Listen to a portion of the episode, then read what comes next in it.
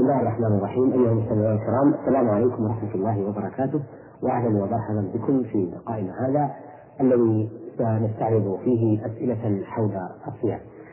آه نعرض هذه الأسئلة على فضيلة الشيخ محمد بن صالح اليمين إمام وخطيب جامع عنيزة والأستاذ بفرع جامعة الإمام محمد بن سلمة الإسلامية الخطيب.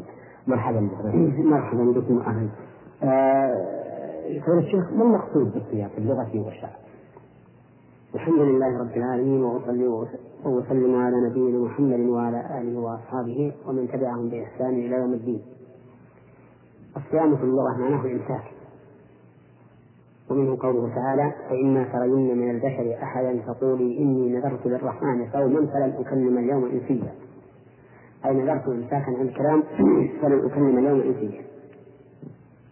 ومنه قول الشاعر: خير صيام وخير غير صائمة تحت الأعداد وأخرى تعرف اللجمة أما الشرع فهو التعبد لله تعالى بالإمساك عن المفطرات من طلوع الفجر الثاني إلى غروب الشمس. آه ما هي أقسام الصيام؟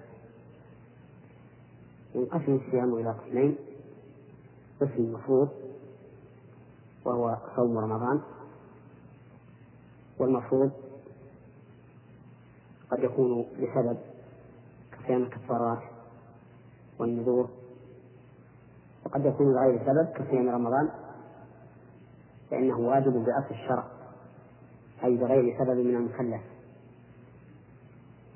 وأما غير المفروض فقد يكون معينا وقد يكون مطلقا. فمثال المعين صوم يوم الاثنين والخميس ومثال المطلق صيام أي يوم من أيام السنة. إلا أنه قد ورد النهي عن تخصيص يوم الجمعة بالصوم فلا يصوم يوم الجمعة إلا أن يصام يوما قبله أو يوما بعده كما ورد ثبت النهي عن صيام يومي العيدين الفطر والنحر وكذلك عن صيام أيام التشريق إلا لمن لم يجد الهدي من قارن ومتمتع فإنه يصوم أيام التشريق عن الأيام الثلاثة التي في الحج. نعم. آه، إذا نريد أن نعرف حكم صيام شهر رمضان. صيام شهر رمضان فرض بنص الكتاب والسنة وإجماع المسلمين. قال الله تبارك وتعالى يا أيها الذين آمنوا كتب عليكم الصيام كما كتب على الذين من قبلكم لعلكم تتقون إلى قول الشهر رمضان الذي أنزل فيه القرآن هدى للناس وبينات من الهدى والفرقان فمن شهد منكم الشهر فليصم وقال النبي صلى الله عليه وسلم بني الإسلام على خمس شهادة أن لا إله إلا الله وأن محمدا رسول الله وإقام الصلاة وإيتاء الزكاة وصوم رمضان وحج بيت الله الحرام. وقال عليه الصلاة والسلام إذا رأيتموه فصوموا. وأجمع المسلمون على أن صيام رمضان فرض وأنه أحد أركان الإسلام. فمن تركه فمن أنكر فرضيته كفر إلا أن يكون ناشئا ببلاد بعيدة لا يعرف فيها أحكام الإسلام فيعرف بذلك ثم إن أصر بعد إقامة الحجة عليه كفر. ومن تركه تهاونا مع إقرار بفرضيته فهو على خطر. فإن بعض أهل العلم يرى أنه كافر مرتد ولكن الراجح أنه ليس بكافر مرتد بل هو فاسق من الفساق لكنه على خطر عظيم نعم آه، نريد أن نعرف مكانة آه، الصيام في آه، الدين وفضله في العبادة وخاصة في شهر رمضان. نعم. مكانة الصيام في, في, في الإسلام أنه أحد أركانه العظيمة التي لا يقوم إلا بها ولا يتم إلا بها. وأما فضله في الإسلام فقد ثبت عن النبي صلى الله عليه وسلم أنه قال من صام رمضان إيمانا واحتسابا غفر الله له ما تقدم من ذنبه نعم. آه ما حكم الفطر في نهار رمضان دون عذر؟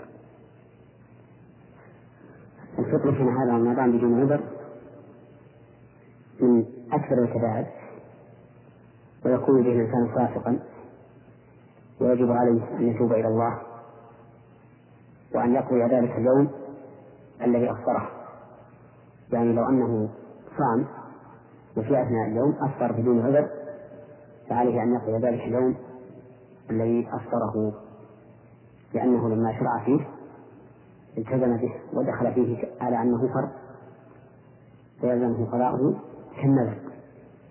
أما لو ترك الصوم من الأصل متعمدا بلا عذر فالراجح أنه لا يلزمه القضاء لأنه لا يستفيد به شيئا.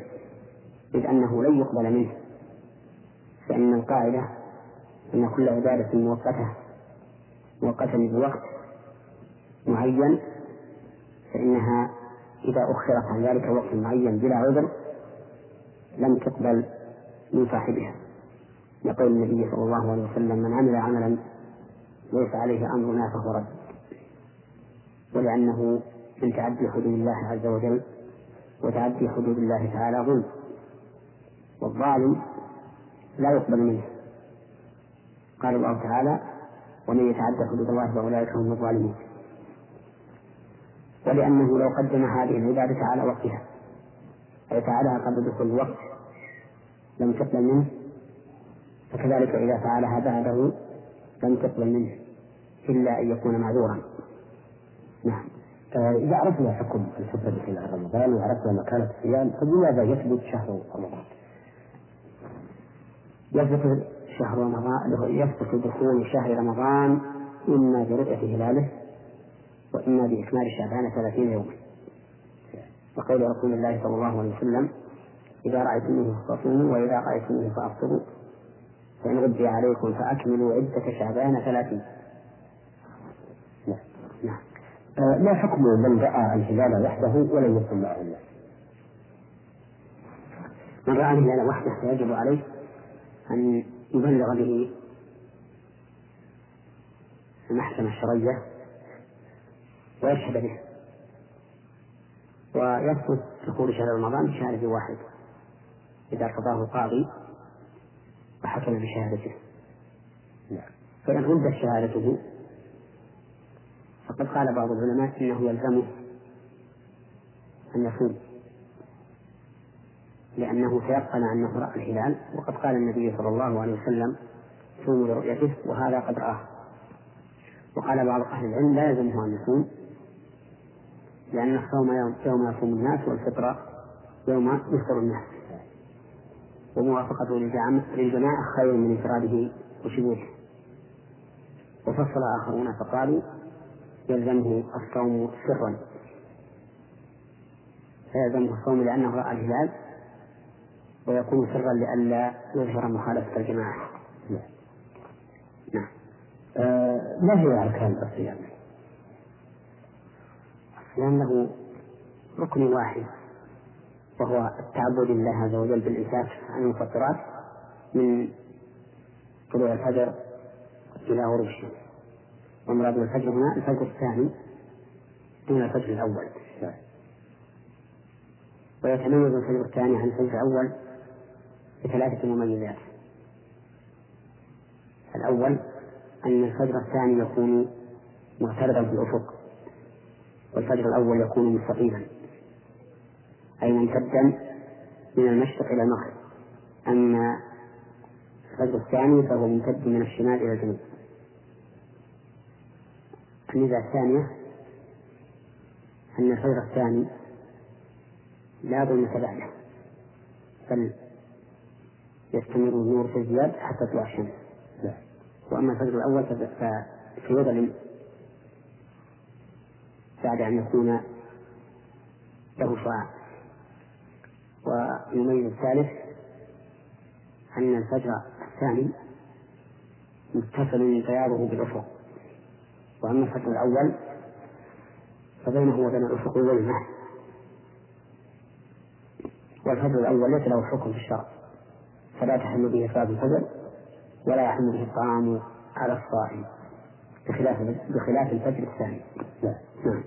آه نريد أن نعرف على من يجب الصيام. الصيام يجب أداء على كل مسلم بالغ عاقل قادر مقيم خال من الموانع فهذه ست أوصاف مسلم بالغ عاقل قادر مقيم خال من الموانع. فأما الكافر فلا يجب عليه الصوم ولا ولا غيره من العبادات. ومعنى قولنا لا يجب عليه الصوم أنه لا يلزم به حال كفره ولا يلزمه قضاؤه بعد بعد إسلامه. لأن الكافر لا تقبل منه عبادة حال كفره لقوله تعالى وما منعهم أن تقبل من نفقاتهم إلا أنهم كفروا بالله وبرسوله. ولا يلزمه قضاء العبادة إذا أسلم لقوله تعالى قل للذين كفروا إن ينتهوا يغفر لهم ما قد سلف. لكنه يعاقب على ما تركه من واجبات حال كفره لقوله تعالى عن أصحاب اليمين وهم يتساءلون عن المسلمين ما سلككم في سقر؟ قالوا لم نكن من المصلين ولم نكن نطعم المسكين وكنا نخوض مع الخائضين وكنا نكذب بيوم الدين حتى أتانا اليقين. فذكرهم ترك الصلاة وإطعام المسكين من أسباب دخولهم النار يدل على أن لذلك تأثيرا في دخولهم النار. بل إن الكافر يعاقب على كل ما يتمتع به من نعم الله في طعام وشراب ولباس. وقول الله تعالى ليس على الذين آمنوا وعملوا الصالحات جناح فيما طالبوا إذا ما اتقوا وآمنوا وعملوا الصالحات ثم اتقوا وآمنوا ثم اتقوا وأحسنوا والله يحب المحسنين. فنفي الجناح الجناح عن المؤمنين فيما طعموا يدل على ثبوت الجناح على غير المؤمنين فيما طعموا ولقوله تعالى قل من حرم زينة الله التي أخرج العباد والطيبات من الرزق. قل هي للذين آمنوا في الحياة الدنيا خالصة يوم القيامة. فقول الذين آمنوا في الحياة الدنيا خالصة يوم القيامة يدل على أن الحكم في غير المؤمنين يختلف عن الحكم في المؤمنين. ولكن إذا أسلم الكافر في أثناء رمضان لم يلزمه قضاء ما سبق إسلامه. فإذا أسلم ليلة الخامسة عشر مثلا فالأيام الأربعة عشر الأربعة عشر لا يلزمه قضاؤها. وإذا أسلم في أثناء اليوم لزمه الإمساك دون القضاء. فإذا أسلم عند زوال الشمس مثلا قلنا له أمسك بقية يومك ولا يلزمك القضاء فنأمره بالإمساك لأنه صار من أهل الوجوب. ولا نأمره بالقضاء لأنه قام بما وجب عليه وهو الإمساك من حين أسلم. ومن قام بما يجب عليه أن يكلف إعادة العبادة مرة ثانية. أما العقل وهو الوصف الثاني شرط الوجوب الوصف الثاني للوجوب العقل هو ما يحصل به الميز أو التمييز بين الأشياء. فإذا لم يكن الإنسان عاقلا فإنه لا صوم عليه. كما أنه لا يجب عليه شيء من العبادات سوى الزكاة. ومن هذا النوع أي ممن ليس له عقل أن يبلغ الإنسان سنا يسقط معه التمييز وهو ما يعرف عند العامة بالحضرات. فلا يلزم المهاجرين صوم ولا يلزم عنه إطعام لأنه ليس من أهل الوجوب أما الوصف الثالث فهو البلوغ. ويحصل البلوغ بواحد من ثلاثة إما بأن يتم للإنسان خمس عشرة سنة أو أن ينبت العانة وهي الشعر الخشن الذي يكون عند القبل أو ينزل المني بلذة سواء كان ذلك باحتلام أو بيقظة. وتزيد المرأة أمر رابعا وهو الحي فإذا حالت المرأة بلغت. وعلى هذا فمن تم له خمس عشرة سنة من ذكر أو أنثى فقد بلغ. ومن نبتت عانته ولو قبل خمس عشرة سنة من ذكر أو أنثى فقد بلغ. ومن أنزل منيا بلذة من ذكر أو أنثى ولو قبل خمس عشرة سنة فقد بلغ.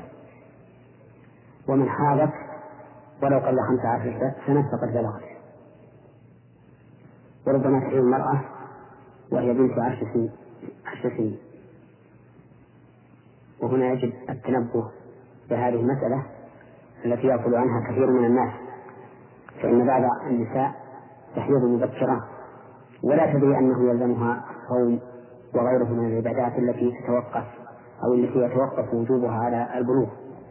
لأن كثيرا من الناس يظن أن البلوغ إنما يكون بكمال خمس عشرة سنة وهذا ظن لا أصل له.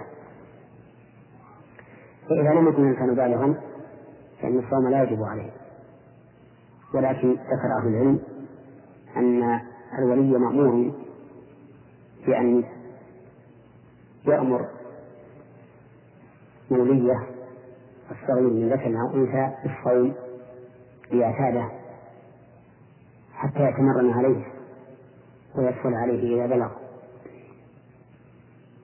وهذا ما كان الصحابة رضي الله عنهم يفعلونه فإنهم كانوا يصومون أولادهم الصغار حتى أن الواحد منهم يبكي فيوقع لعبة من العهن. يتلهى بها حتى تغرب الشمس. نعم. وأما الوصف الرابع فهو أن يكون الإنسان قادرا على الصوم أي يستطيع أن يصوم بلا مشقة. فإن كان غير قادر فلا صوم عليه. ولكن غير قادر ينقسم إلى قسمين. القسم الأول أن يكون عجزه عن الصوم مستمرا دائما. كالكبير والمريض مرضا لا يرجى برؤه فهذا يطعم عن كل يوم مسكينا. فإذا كان الشهر ثلاثين يوما أطعم ثلاثين مسكينا. وإذا كان الشهر تسعة وعشرين يوما أطعم تسعة وعشرين مسكينا. وللإطعام كيفيتان. الكيفية الأولى أن يخرج حبا من رز أو بر وقدره ربع صاع بصاع النبي صلى الله عليه وسلم. أي خمس صاع بالصاع المعروف هنا. ويساوي كيلوين وأربعين غراما بالبر الجيد الرضيع يعني أنك إذا وزنت من البر الرضيع الدبل ما يبلغ كيلوين وأربعين غراما فإنها يصاع يصاع النبي صلى الله عليه وسلم. والصاع بصاع النبي صلى الله عليه وسلم أربعة أمداد فيكفي لأربعة مساكين. ويحسن في هذه الحال أن تجعل معه إذا دفعته إلى الفقير أن تجعل معه شيئا يؤديه باللحم أو غيره. حسب ما تقضي الحال والعرف وأما الوجه الثاني من الإطعام فأن يصنع طعاما يكفي لثلاثين فقيرا أو تسعة وعشرين فقيرا حسب الشهر ويدعوهم إليه. كما ذكر ذلك عن أنس بن مالك رضي الله عنه حين كبر. ولا يجوز أن يطعم شخصا واحدا مقدار ما يكفي الثلاثين أو التسعة وعشرين. لأنه لا بد أن يكون عن كل يوم مسكين. أما القسم الثاني من العجز عن الصوم فهو العجز الذي يرجى زواله وهو العجز الطارئ. كمرض حدث على الإنسان في أيام الصوم وكان يشق عليه أن يصوم فنقول له أفطر واقضي يوما مكانه.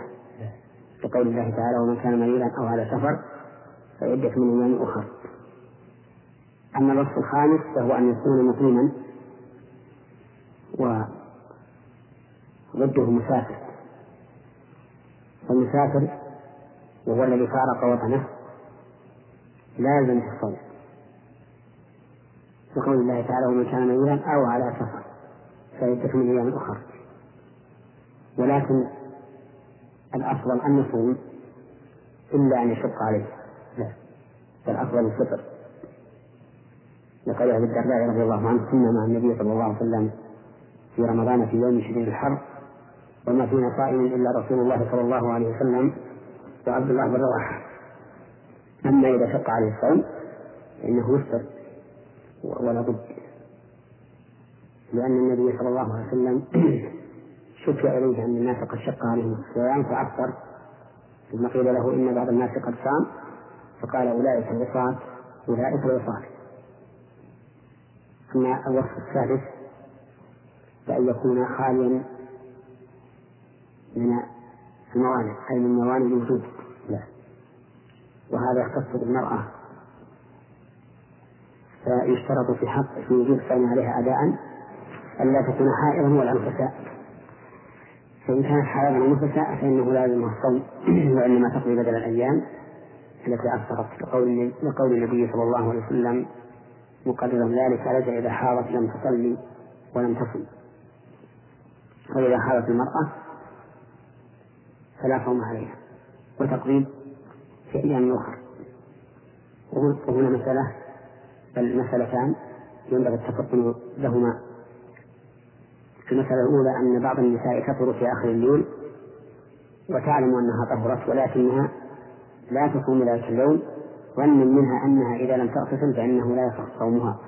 وليس وليس الأمر كذلك. بل صومها يصح وإن لم تغتسل إلا بعد طلوع الفجر.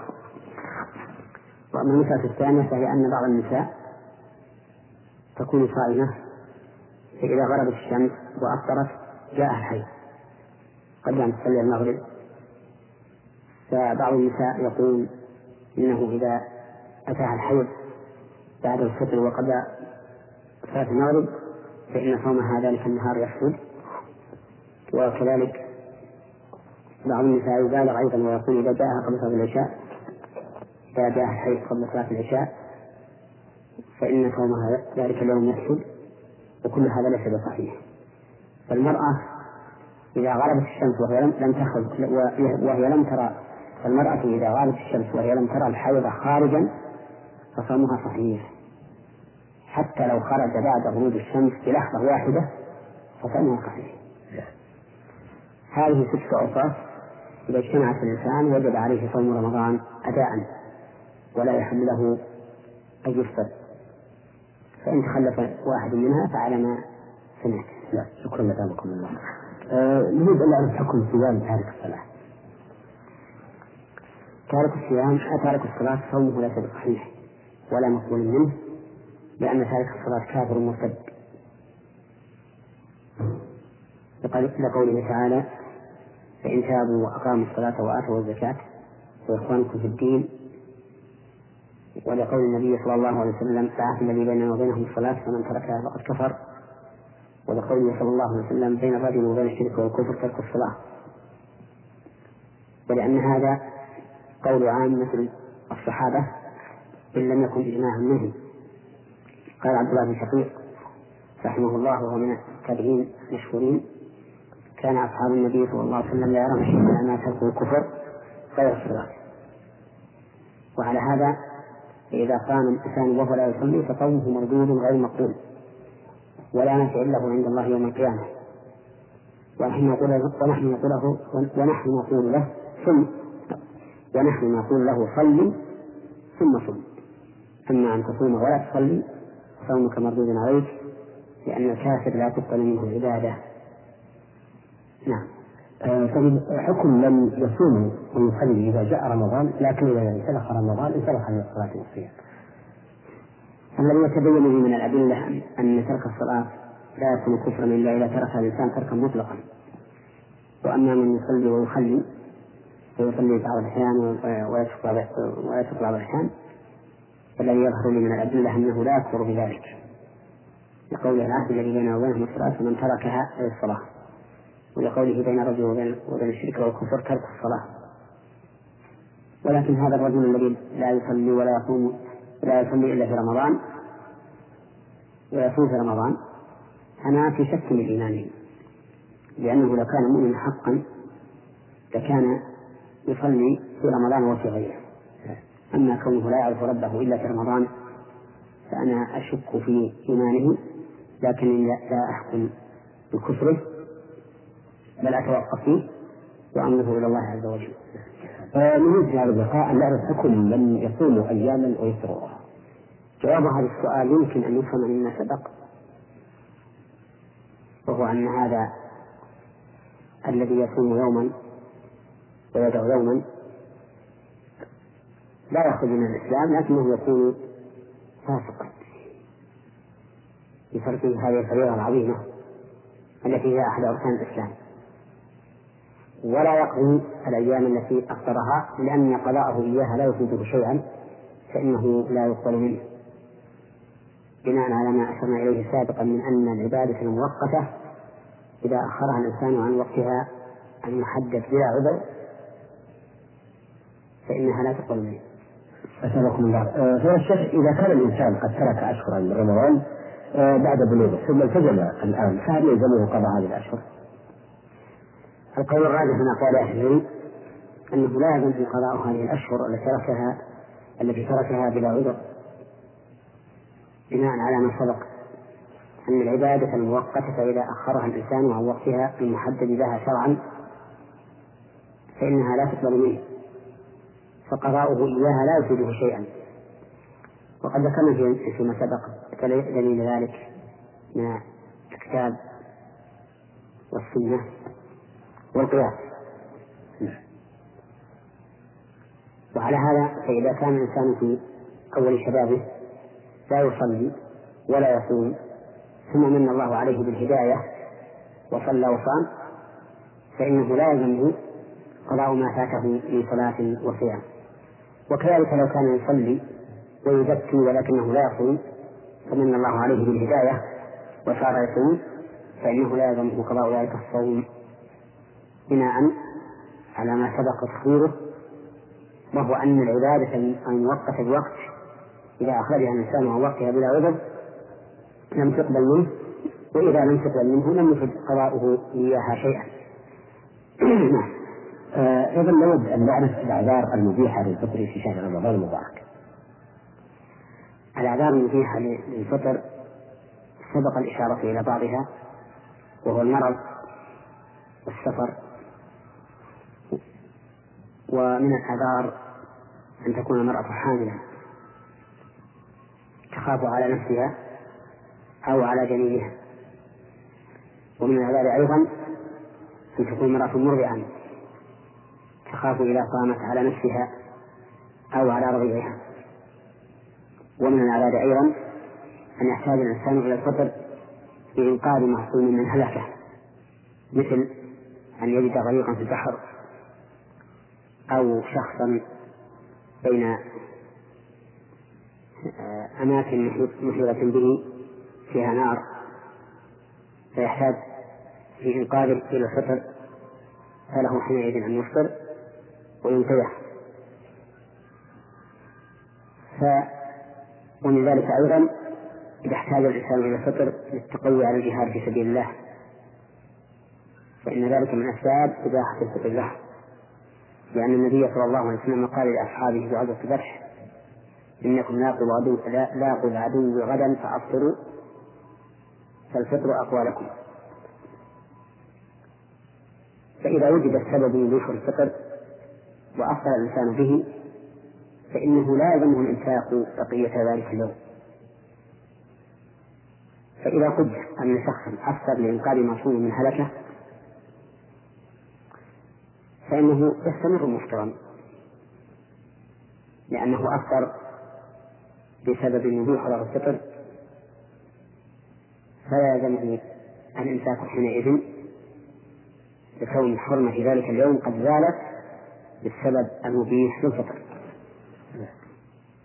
ولهذا نقول بالقول الراجح في هذه المسألة أن المريض لو برئ في أثناء النهار وكان مفطرا فإنه لا يلزمه الإمساك ولو قدم المسافر أثناء النهار إلى بلده وكان مفطرا فإنه لا يلزمه الإمساك ولو طهرت الحائض أثناء النهار وكانت مفطرة وطبعا هي مفطرة. نعم.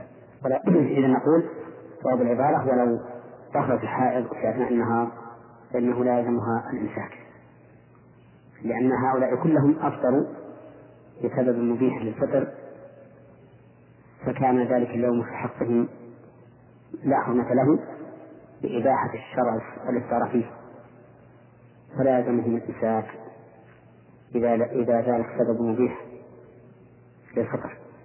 نعم. لكن لا تأكلون هذه الحالة فلو جاء العلم بدخول رمضان في أثناء النهار. نعم. الفرق بينها ظاهر لأنه إذا قامت البينة في أثناء النهار فإنه يلزمهم الإمساك لأنه في أول النهار إنما أفطر بالعذر عذر الجهل.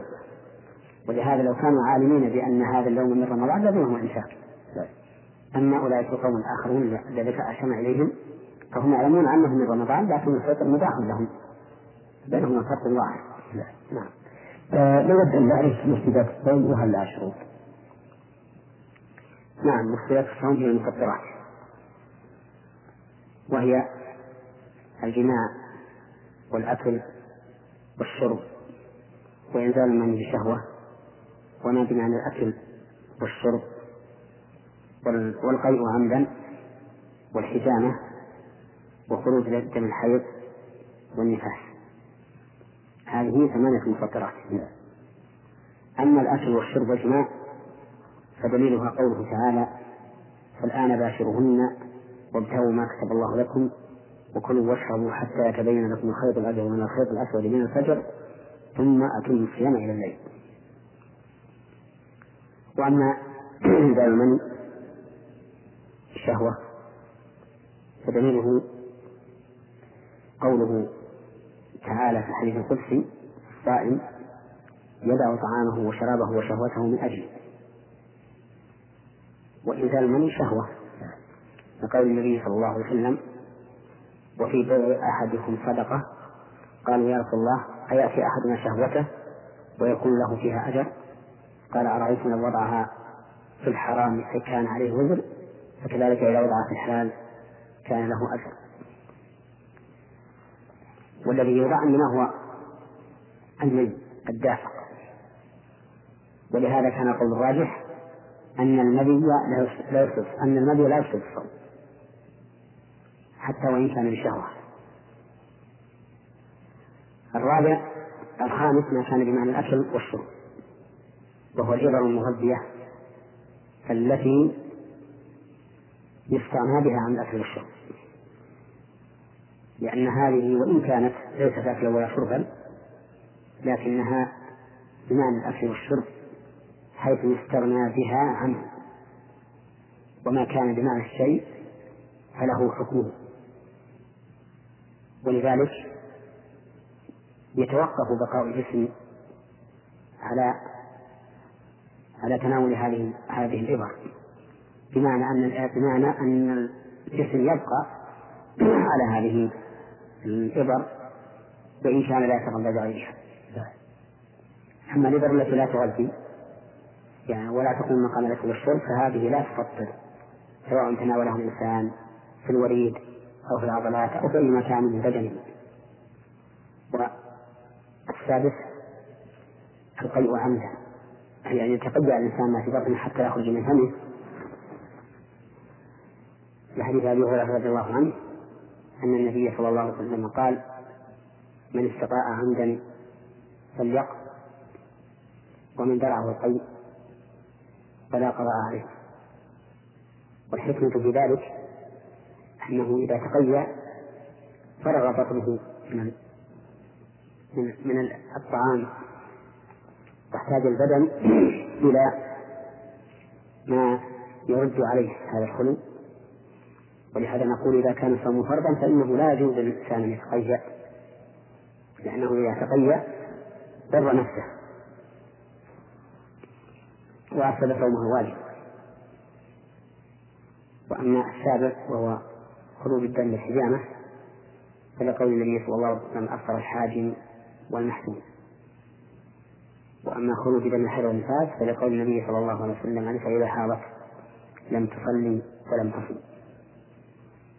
وقد أجمع أهل العلم على أن الصوم لا يصح من الحائض ومثلها النفساء. وهذه المفطرات وهي مفسدات الصوم لا تفسده إلا بشروط إلا بشروط ثلاثة.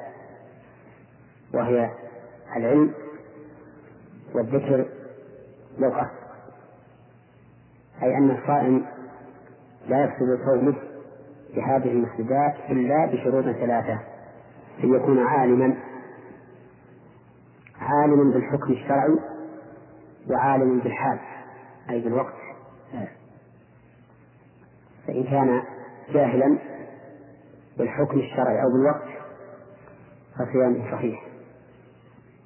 لقول الله تعالى ربنا لا تؤاخذنا إن نسينا أو أخطأنا. فقال الله تعالى قد فعلت. ولقوله تعالى وليس عليكم جناح فيما أخطأتم به ولكن ما تعمدت قلوبكم. ولثبوت السنة في ذلك. ففي الصحيح من حديث علي بن حاتم رضي الله عنه أنه صام فجعل تحت وسادته عقالين وهما الحبلان اللذان تشد بهما يد الجمل. أحدهما أسود والثاني أبيض وجعل يأكل ويشرب حتى تبين له الأبيض من الأسود. ثم أمسك. فلما أصبح غدا على رسول الله صلى الله عليه وسلم فأخبره بذلك فبين له النبي صلى الله عليه وسلم أنه ليس المراد بالخيط الأبيض بالخيط الأبيض والأسود في الآية الخيطين. المعروفين. وإنما المراد بالخيط الأبيض بياض النهار وبالخيط الأسود الليل. أي سواده نعم ولم يأمره النبي صلى الله عليه وسلم بقضاء الصوم. لأنه كان جاهلا بالحكم. يظن أن هذا هو معنى الآية الكريمة. وأما الجهل بالوقت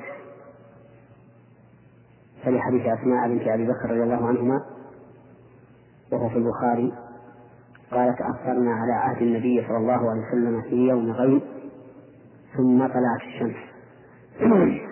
ولم يأمرهم النبي صلى الله عليه وسلم بالقضاء. ولو كان القضاء واجبا لأمرهم به ولو أمرهم به لم يصل إلى الأمة. لقول الله تعالى إنا نحن نزلنا الذكر وإنا له لحافظون.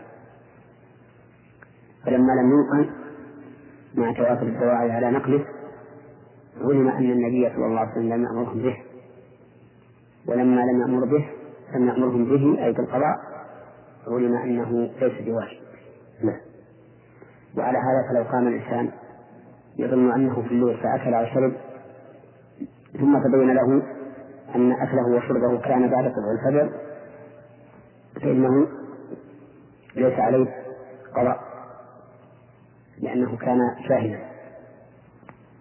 وأما الشرط الثاني فهو أن يكون ذاكرا وضد ذكر النسيان فلو أكل أو شرب ناسيا فإن صومه صحيح. ولا قضاء عليه. لقول الله تعالى ربنا لا تؤاخذنا إن نسينا وأخطأنا فقال الله تعالى قد فعلت. ولحديث أبي هريرة رضي الله عنه أن رسول الله صلى الله عليه وسلم قال من نسي وهو صائم فأكل أو شرب فليتم صومه فإنما أطعمه الله وسقاه.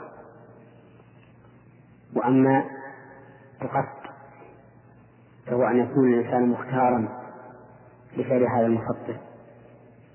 فإن كان غير مختار فإن صومه صحيح سواء كان مكرها أم غير مكره.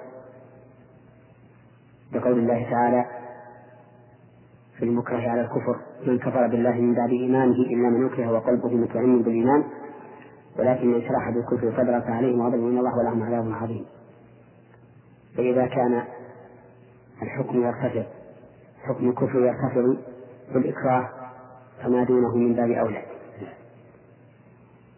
وللحديث الذي يروى عن رسول الله صلى الله عليه وسلم إن الله رفع عن أمة الخطأ والنسيان وما عليه.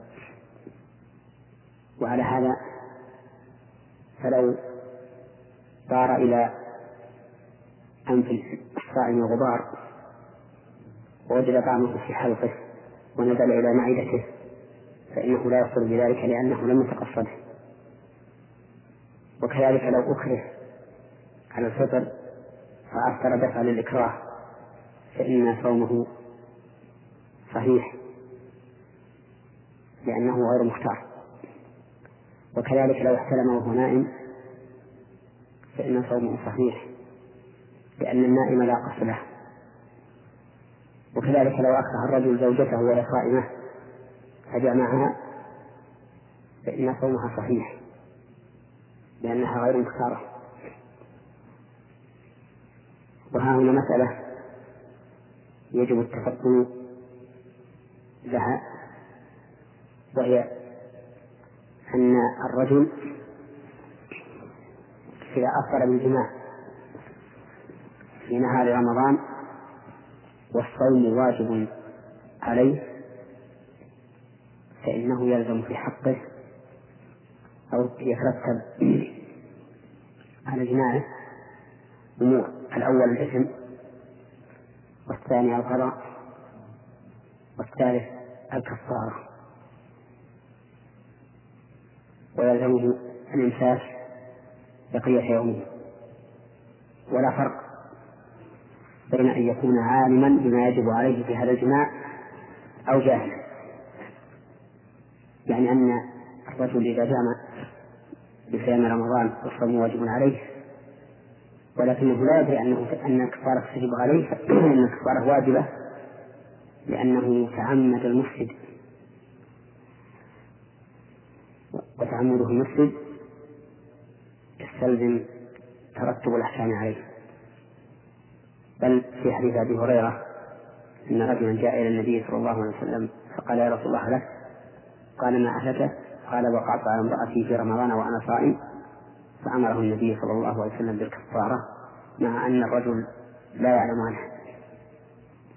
وفي قولنا والصوم واجب له. احتراز مما وفي قولنا والصوم واجب عليه. احتراز مما إذا جامع الصائم في رمضان وهو مسافر مثلا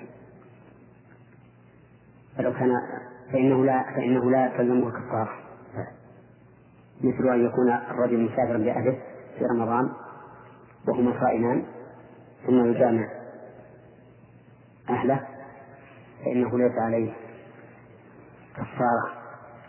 وذلك لأن المسافر إذا شرع في الصيام لا يلزمه إتمام إن شاء أكثر وقضى وإن شاء استمر نعم.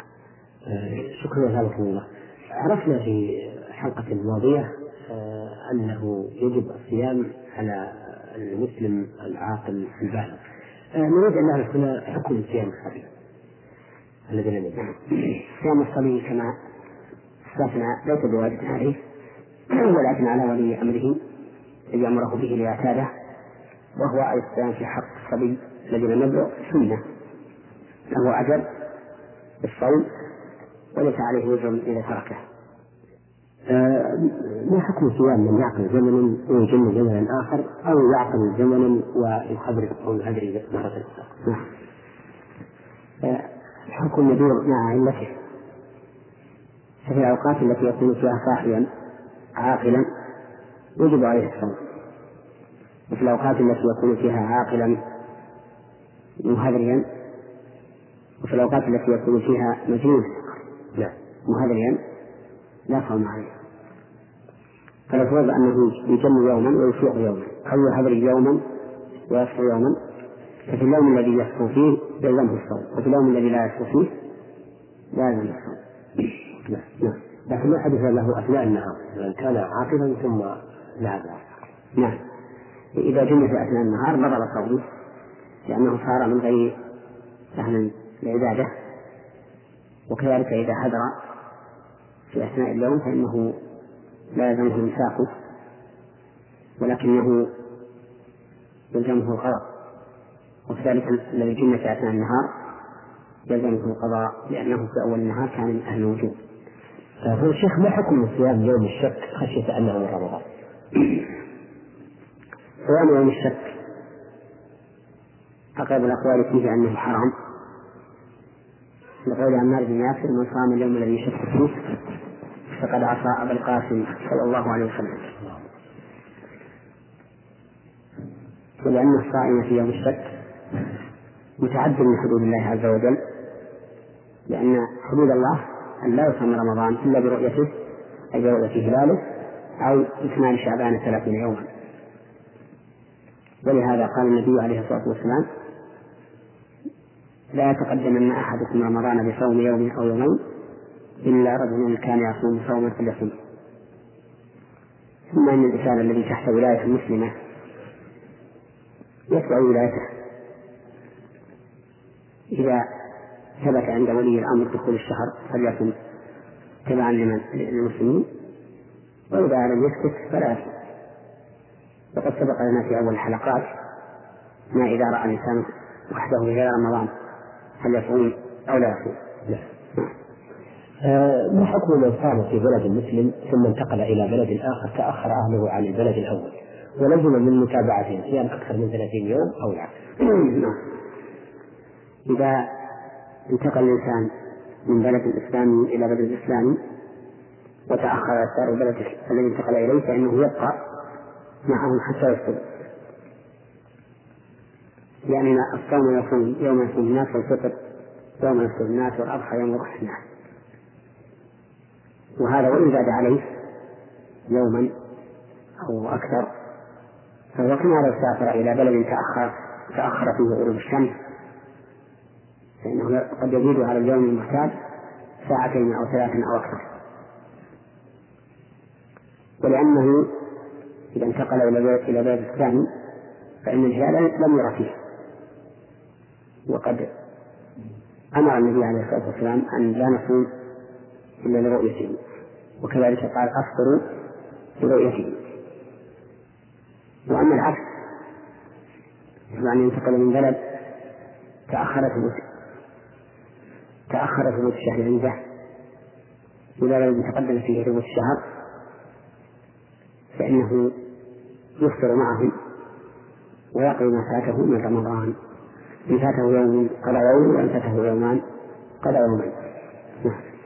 لكن قد يقول المستمع لماذا يؤمر بصيام أكثر من 30 يوم في الأولى ويقضي في الثانية؟ نعم. يقضي في الثانية لأنه لأن الشهر لا يمكن أن 29 يوما. ويزيد على 30 يوما لأنه لم يرى هلال وفي الأول قلنا له أفطر وإن لم تتم 29 يوما لأنه في الأولى لا. في الأولى فلا بد من الفطر. هل يمكن أن تصوم يوم من شوال؟ ولما كنت ناقصا عن 23 لازم أن تكون 29 بخلاف الثاني فإنك لا تزال في رمضان. إذا قدمت إلى بلد عمره هلال فأنت في رمضان فكيف تفطر؟ فهذا المثال قال وإذا زاد عليك الشهر فهو كذلك الساعات اليوم آه، بعد أن عرفنا شيئا كثيرا من أحكام الصيام نود أن نعرف آداب الصيام. من آداب الصيام لزوم تقوى الله عز وجل بفعل أوامره واجتناب نواهيه لقوله تعالى يا أيها الذين آمنوا كتب عليكم الصيام كما كتب على الذين من قبلكم لعلكم تتقون. ولقول النبي صلى الله عليه وسلم من لم يدع قول الزور والعمل به والجهل فليس لله حادث في أن يدع طعامه وشرابه.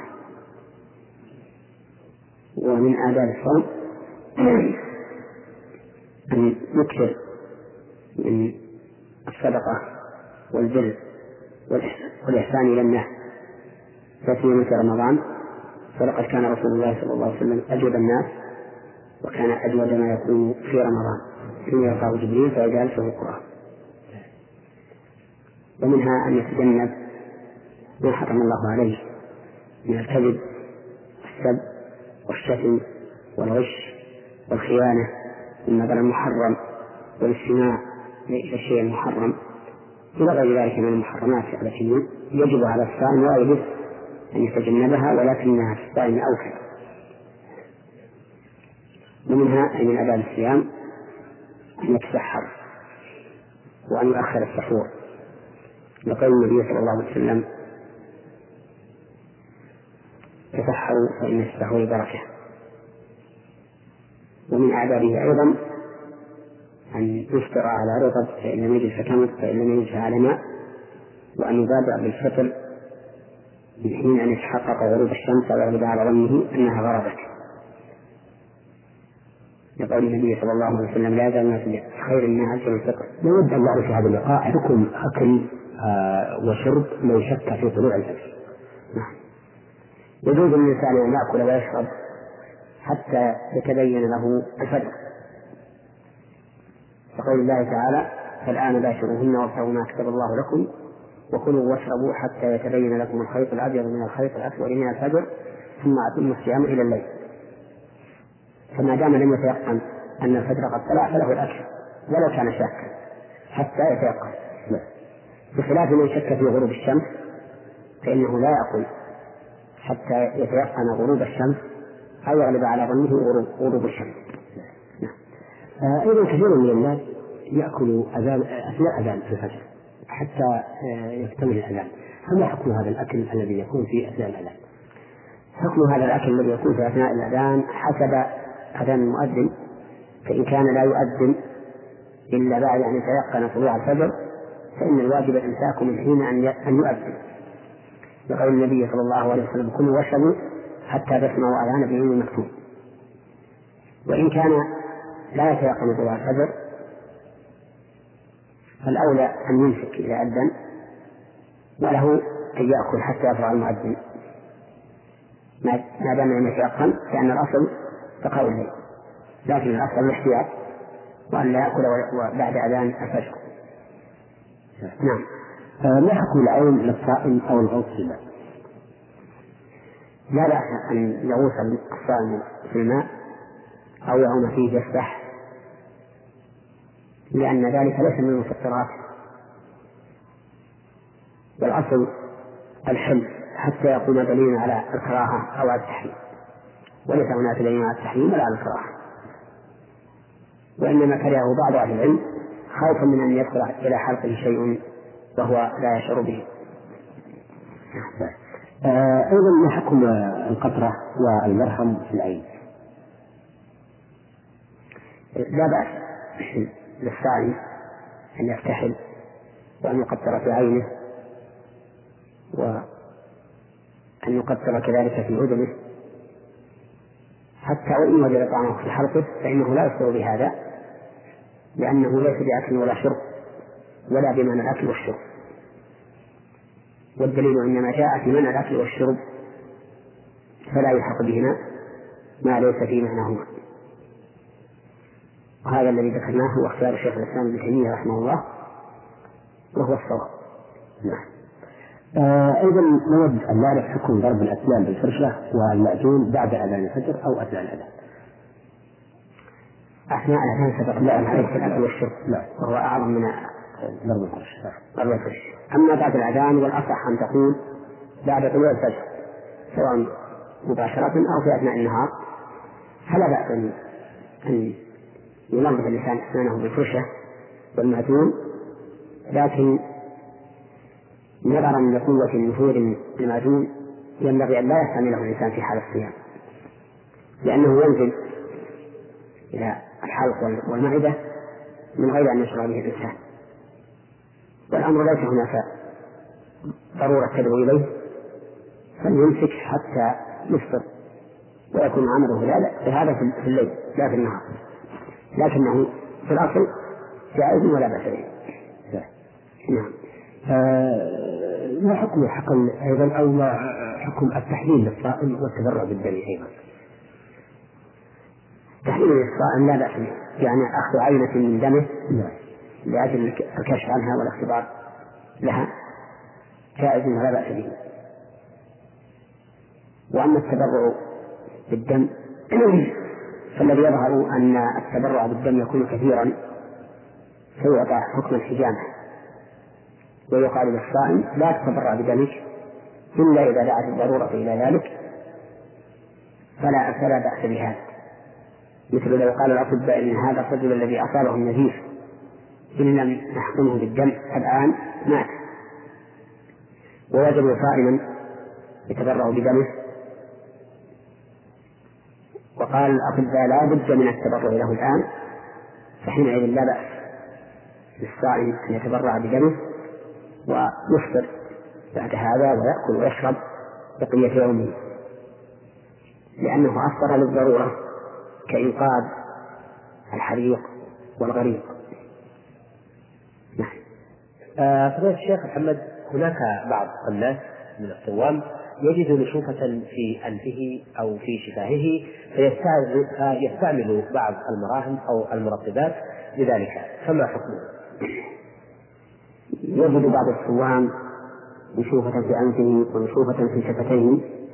فلا بأس أن يستعمل الإنسان ما ينبي الشفتين والأنف من مرهم أو يبله بالماء بخرقة أو شبه ذلك.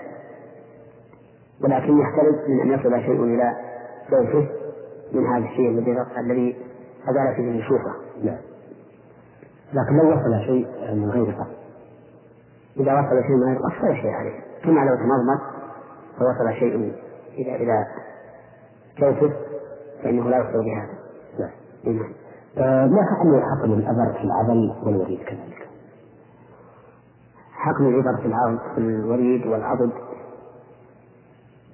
والورك ليس فيه بأس ولا به الصائم لأن هذا ليس من المفطرات ولا بمعنى المفطرات فهو ليس بأكل ولا شرب ولا بمعنى الأكل والشرب. وقد سبق لنا في إحدى الحلقات السابقة أن ذلك لا يؤثر وإنما المؤثر حقن المريض بما يغني عن الأكل والشرب. نعم. آه، أيضا نود أن نعرف حكم المبالغة في المضمضة والإستنشاق في نهاية رمضان للصائم قال رسول الله صلى الله عليه وسلم للقيط بن خبرة أكثر الوضوء وخلل بين الأصابع وبالغ في الاستنشاق إلا أن تكون صائما.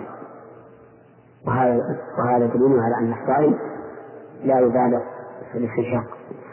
وكذلك لا يبالغ في المضمرة لأن ذلك قد يؤدي إلى نزول الماء إلى جوفه فيفسد به صومه.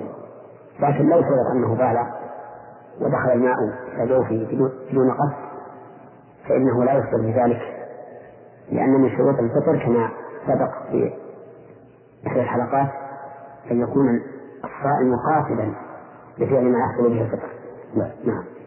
أيضا نود ان نعرف حكم شم الطيب سواء كان من الرذاذ الذي البخاخ أو شم الطيب الذي هو البخور. نعم. شم الطيب لا باس به. سواء كان دهنا أم بخورا لكن إذا كان بخورا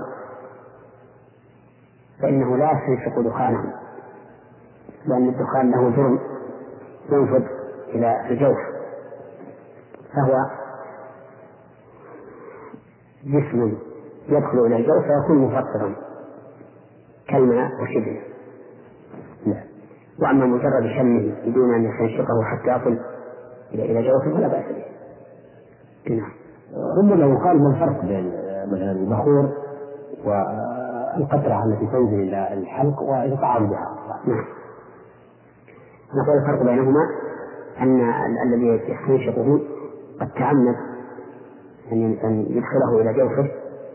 وأما قطرته ما لم يقصد أن يصل إلى إلى جوفه.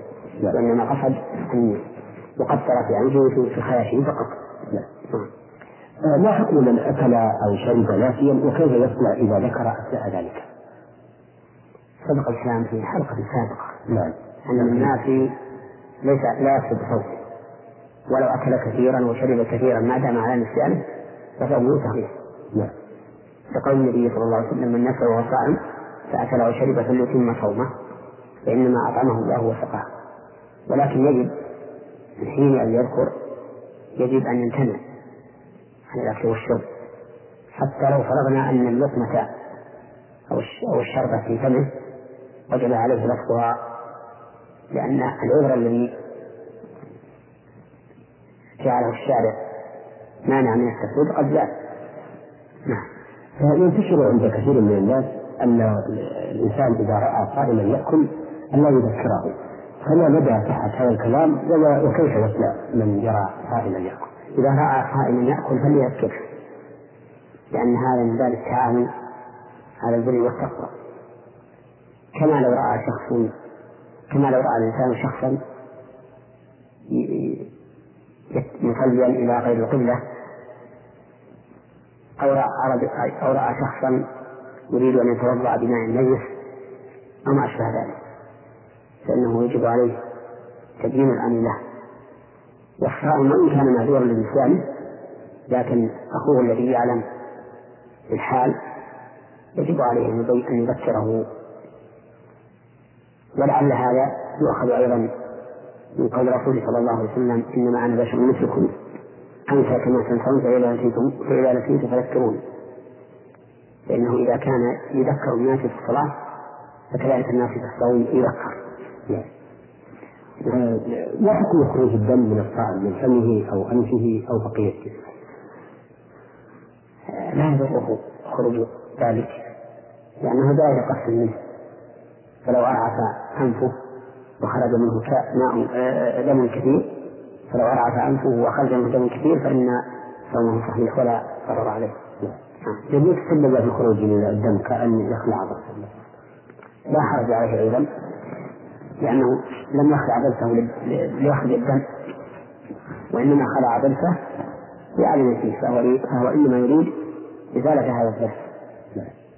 ثم إن الغالب أن الدم الذي يخرج خلع الضرس الغالب أنه دم يسير لا يكون له معنى الحجامة لا نعم. آه، سبق أن سألنا عن حكم من أكل أو شرب آه، شاكا في طلوع الفجر. آه، لكن ولم يتبين له لكن ما حكم من أكل أو جامع نعم حتى لا يتبين له. لأنه سبق أن في مفطرات نعم أنه يشترط أن يكون عالما. فإذا أكل وهو شاك في طلوع الفجر ثم تبين له بعد ذلك أن قد طلع فلا شيء عليه. نعم نعم. بعد تقدم الوسائل خاصة وسائل السفر كم السؤال أو نعم. له هذا السؤال ما حكم من أكل أو جامع ظن غروب الشمس أو عدم طلوع الفجر فتبين له أكثر. نعم نعم. آه إذا أثر في الأرض مثلا ثم أطلعت الطائرة وبانت معه الشمس فما الحكم؟ الحكم أن أنه لا يذنب الإنسان لأنه لما غربت الشمس تم يومه وأفطر بمقتضى الدليل الشرعي وما عمله الإنسان بمقتضى الدليل الشرعي فإنه لا يؤمر بإعادته. آه، فضيلة الشيخ محمد ما حكم الجماع في نهار رمضان ذاكرا أو ناسيا وما الذي يلزمه؟ الجماع في نهار رمضان كغيره من المفطرات. إن كان الإنسان في سفر ليس عليه في ذلك بأس. سواء كان صائما أم مفطرا. لكن إن كان صائما وجب عليه قضاء ذلك اليوم. وأما إذا كان ممن يلزمه الصوم فإنه إن كان ناسيا فلا شيء عليه أيضا. لأن جميع المفطرات إذا نسي الإنسان فأصابها فصومه صحيح. وإن كان ذاكرا ترتب على ذلك خمسة أمور الإثم وفساد صوم ذلك اليوم ولزوم الإمساك ولزوم القضاء. والكفارة. والكفارة عتق رقبة فإن لم يجد فصيام شهرين متتابعين فإن لم يستطع فإطعام ستين مسكينا. في حديث أبي هريرة رضي الله عنه أن رجلا جاء إلى النبي صلى الله عليه وسلم فقال يا رسول الله هلكت فقال النبي صلى الله عليه وسلم ما أهلكت قال وقعت على امرأتي في رمضان وأنا صائم. فذكر له النبي صلى الله عليه وسلم خصال الكفارة عتق رقبة فقال إنه لم لم لا يجد فقال صيام شهرين متبعين فقال إنه لا يستطيع فقال إطعام ستين مسكينا فقال إنه لا يجد. ثم جلس الرجل وأتي النبي صلى الله عليه وسلم بتمر فقال له النبي صلى الله عليه وسلم خذ هذا فتصدق به. قال أعلى أفقر مني يا رسول الله فوالله ما بين لابتيها أهل بيت أفقر مني. فضحك النبي صلى الله عليه وسلم حتى بدت أنيابه أو نواجذه ثم قال أعطيه أحسن نعم. طيب إذا تعدد الجماع في اليوم آه، أو في رمضان في شهر رمضان فهل تتعدد هذه الكفارة؟ المشهور من مذهب الإمام أحمد أنه إذا تعدد في يومين ولم يكفر عن الجماع وفي يوم ولم يكفر عن الجماع الأول كفارة كفارة واحدة. وإن تعدد في يومين لزمه لكل يوم كفارة لأن كل يوم عبادة مستقلة. نعم. ما حكم صيام المسافر إذا شق عليه؟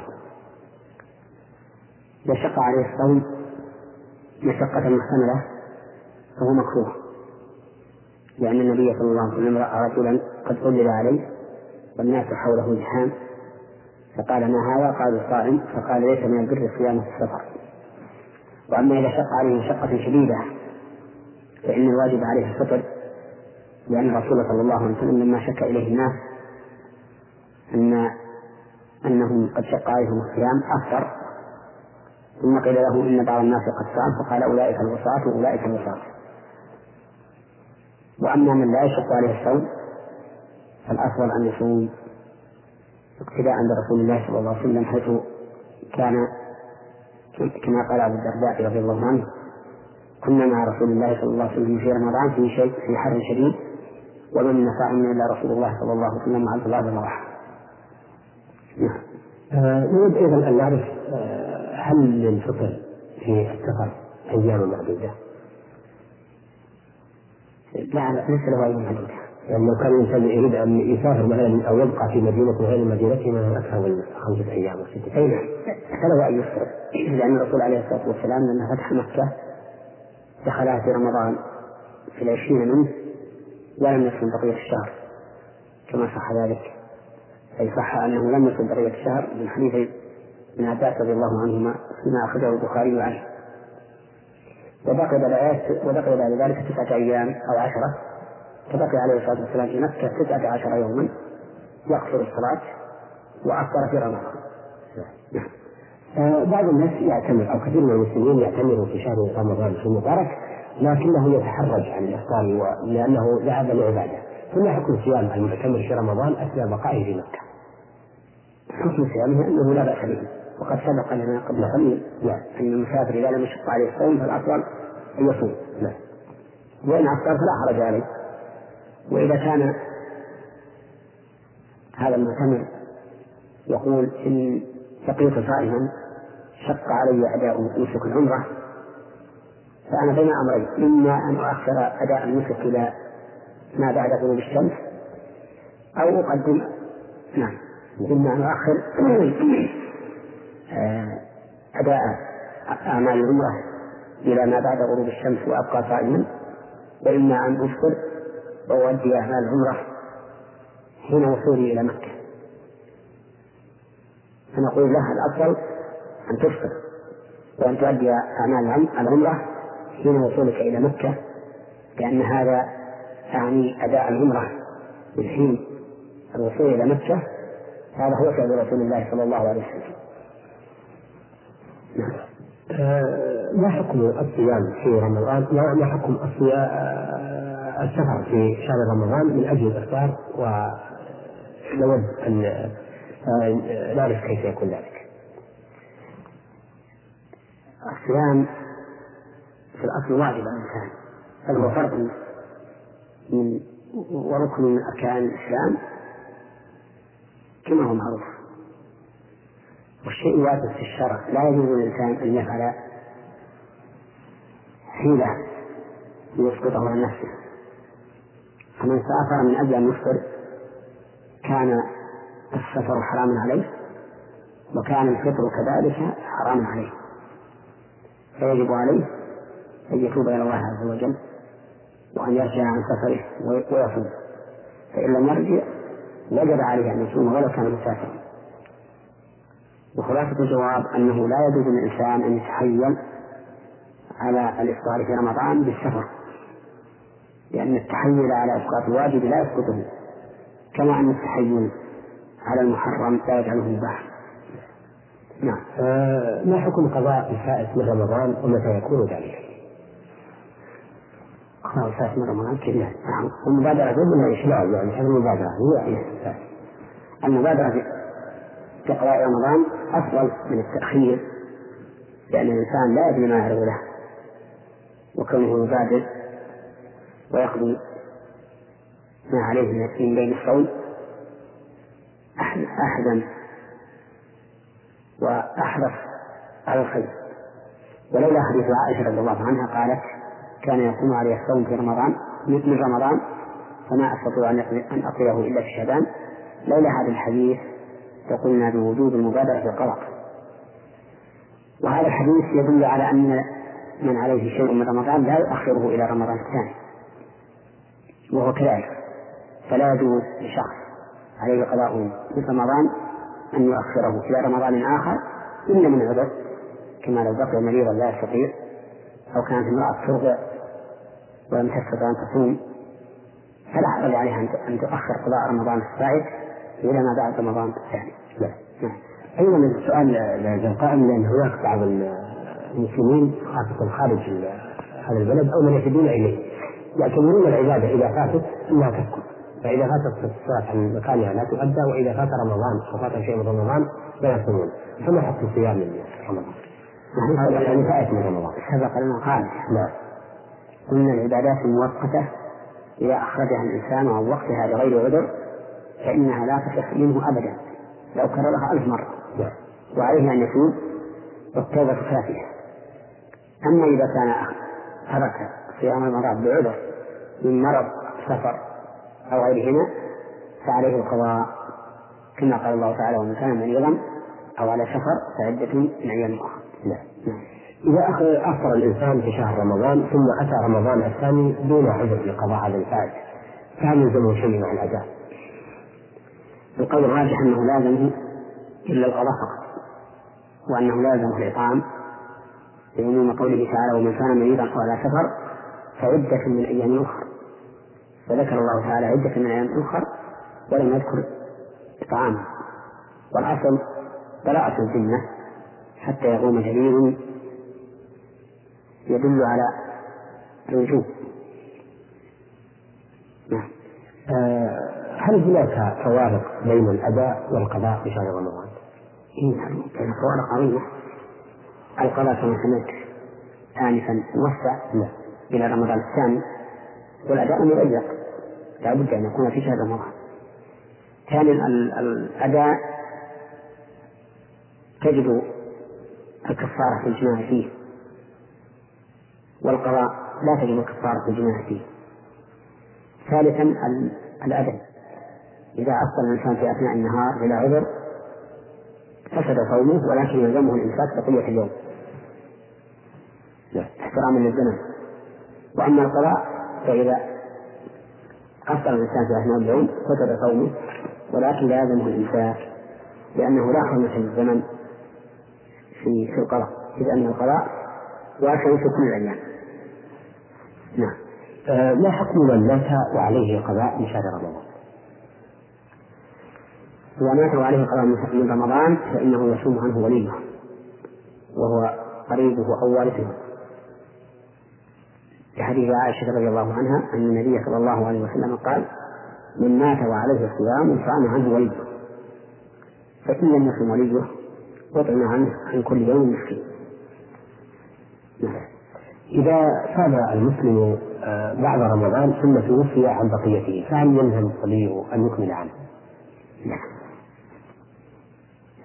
لا يلزم وليه أن يكمل عنه ولا أن يطعم عنه لأن لأن الميت إذا مات انقطع عمله كما قال النبي عليه الصلاة والسلام إذا مات الإنسان انقطع عمله إلا من ثلاثة إلا من صدقة جارية أو علم ينتفع به أو ولد صالح يدعو له فعل هذا إذا مات فإنه لا يقضى عنه ولا يطعم غيره بل حتى لو مات في أثناء اليوم فإنه لا يطعم لا, لا يطعم عنه ولا يطعم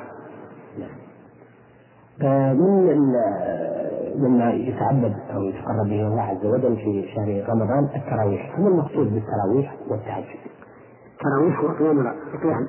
قيام رمضان. الذي قال فيه النبي صلى الله عليه وسلم من قام رمضان إيمانا واحتسابا غفر له ما تقدم من ذنبه. وسمي التراويح لأن الناس في فيما سبق كانوا يطيلونها. وكلما صلوا أربع ركعات يعني بتسليمتين استراحوا قليلا ثم استأنفوا.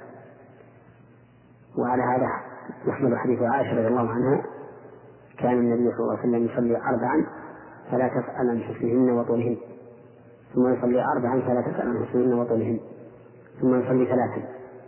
فإنها تريد بذلك أن أنه يصلي أربعا بتسليمتين لكن يفصل بينها وبين أربع أخريات وهذه التراويح سنة. سنها رسول الله صلى الله عليه وسلم. ولكنه صلى بأصحابه ثلاث ليال ثم تأخر وقال إني خشيت أن تفرض عليكم وينبغي للإنسان أن لا يفرط فيها لينال أجر أجر من قام رمضان. نعم وهو مغفرة ما سبق ما تقدم من الذنب. وينبغي المحافظة عليها مع الإمام لأن النبي صلى الله عليه وسلم قال من قام مع الإمام حتى ينصرف كتب له قيام ليلة.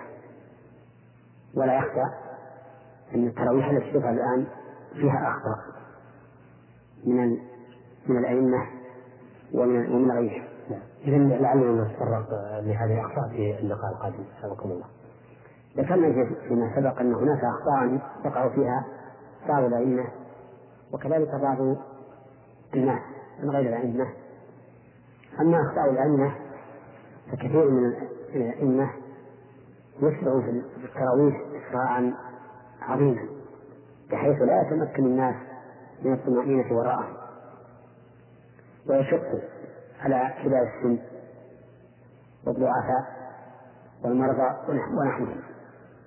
وهذا خلاف الأمانة التي يحمل إياه فإن الإمام مؤتمن يجب عليه أن يفعل ما هو الأفضل للمأمومين ولو كان يصلي وحده لكان حرا إن شاء أسرع على وجه لا يخلي بالطمأنينة وإن شاء أبطأ.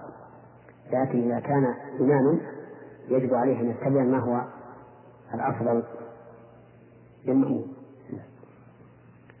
وقد نص أهل العلم على أنه يكره للإمام أن يسرع سرعة تمنع المأمومين أو بعضهم من فعل ما يسمى. فكيف بمن يسرع سرعة تمنعهم أو تمنع بعضهم من فعل ما يجب؟ من الطمأنينة والمتابعة. كذلك بعض المأمومين يصلي التراويح على صفة الوتر. الذي كان رسول الله صلى الله عليه وسلم يصليه أحيانا يوتر خمس يسردها فردا لا يجلس إلا في آخرها أو سبعا لا يجلس إلا في آخرها أو تسعا يجلس في الثامنة في الثامنة من الشهر ثم يقوم ويصل التاسعة. فبعض المأمومين بعض الأئمة يفعل ذلك. وهذا لا أعلمه واردا عن النبي صلى الله عليه وسلم حين قامت الناس إماما وإنما كان يفعله في بيته. وهذا الفعل وإن كان له أصل من السنة أن يوسع الإنسان بخمس أو سبع لا يجلس إلا في آخرها أو بتسع. يجلس بالثامنة ثم يتشهد ولا يسلم ثم يقوم فيصل التاسعة ويتشهد ويسلم لكن كون الإمام يفعله في رمضان يشوش على الناس فيرسم الإنسان على أنه نام ركعتين. ثم إن بعض الناس قد يحتاج إلى الخروج.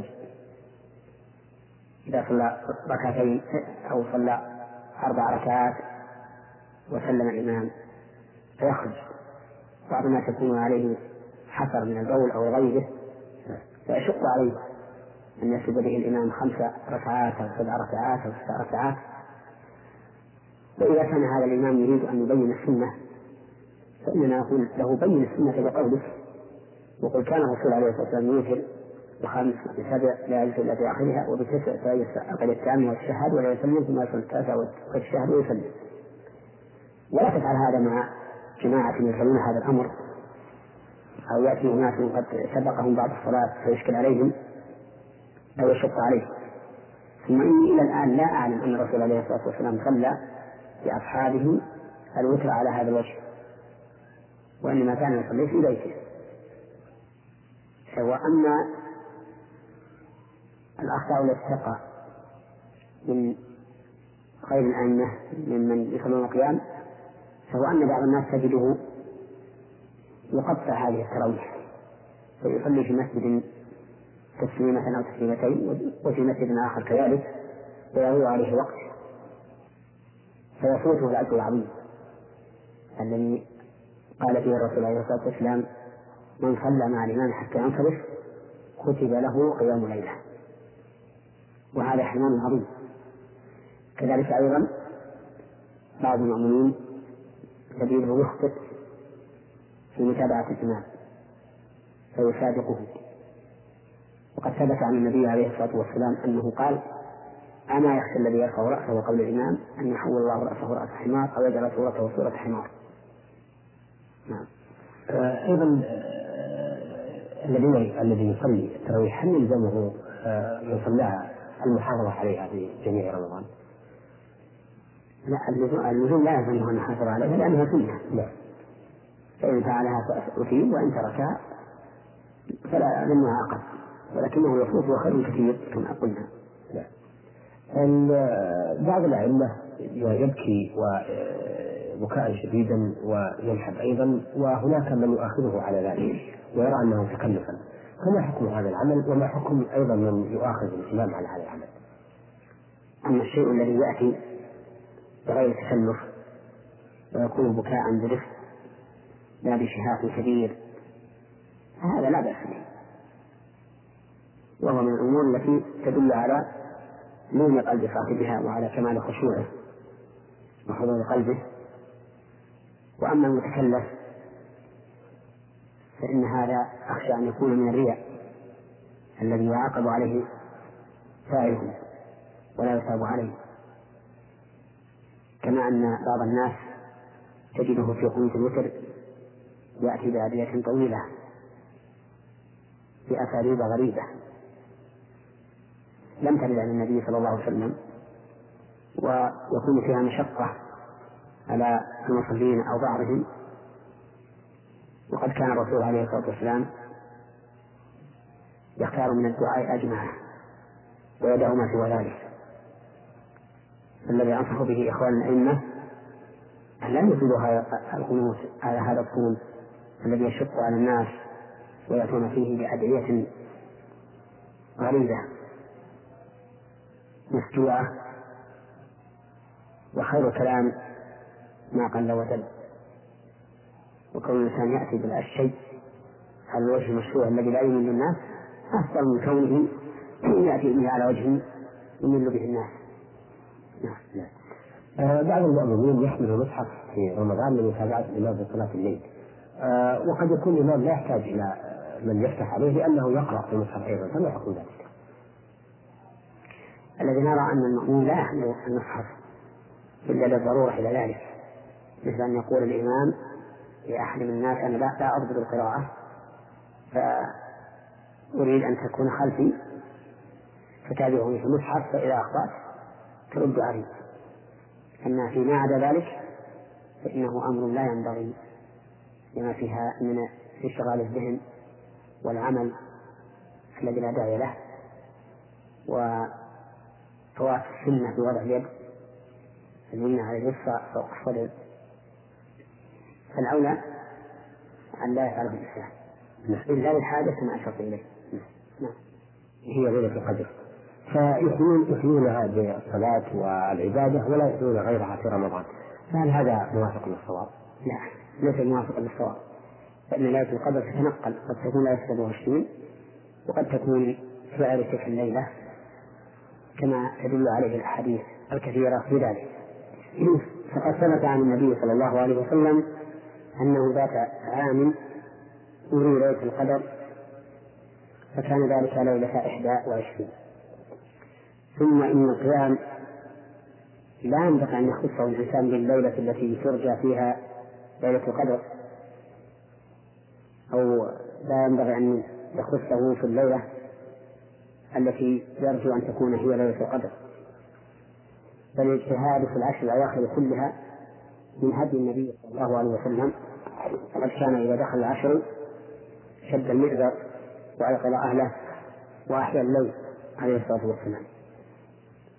فالذي ينبغي للمؤمن الحازم أن يجتهد في هذه الأيام العشر في ليالي هذه الأيام العشر كلها حتى لا يفوته الأجر. نعم. آه شكرا لكم الله.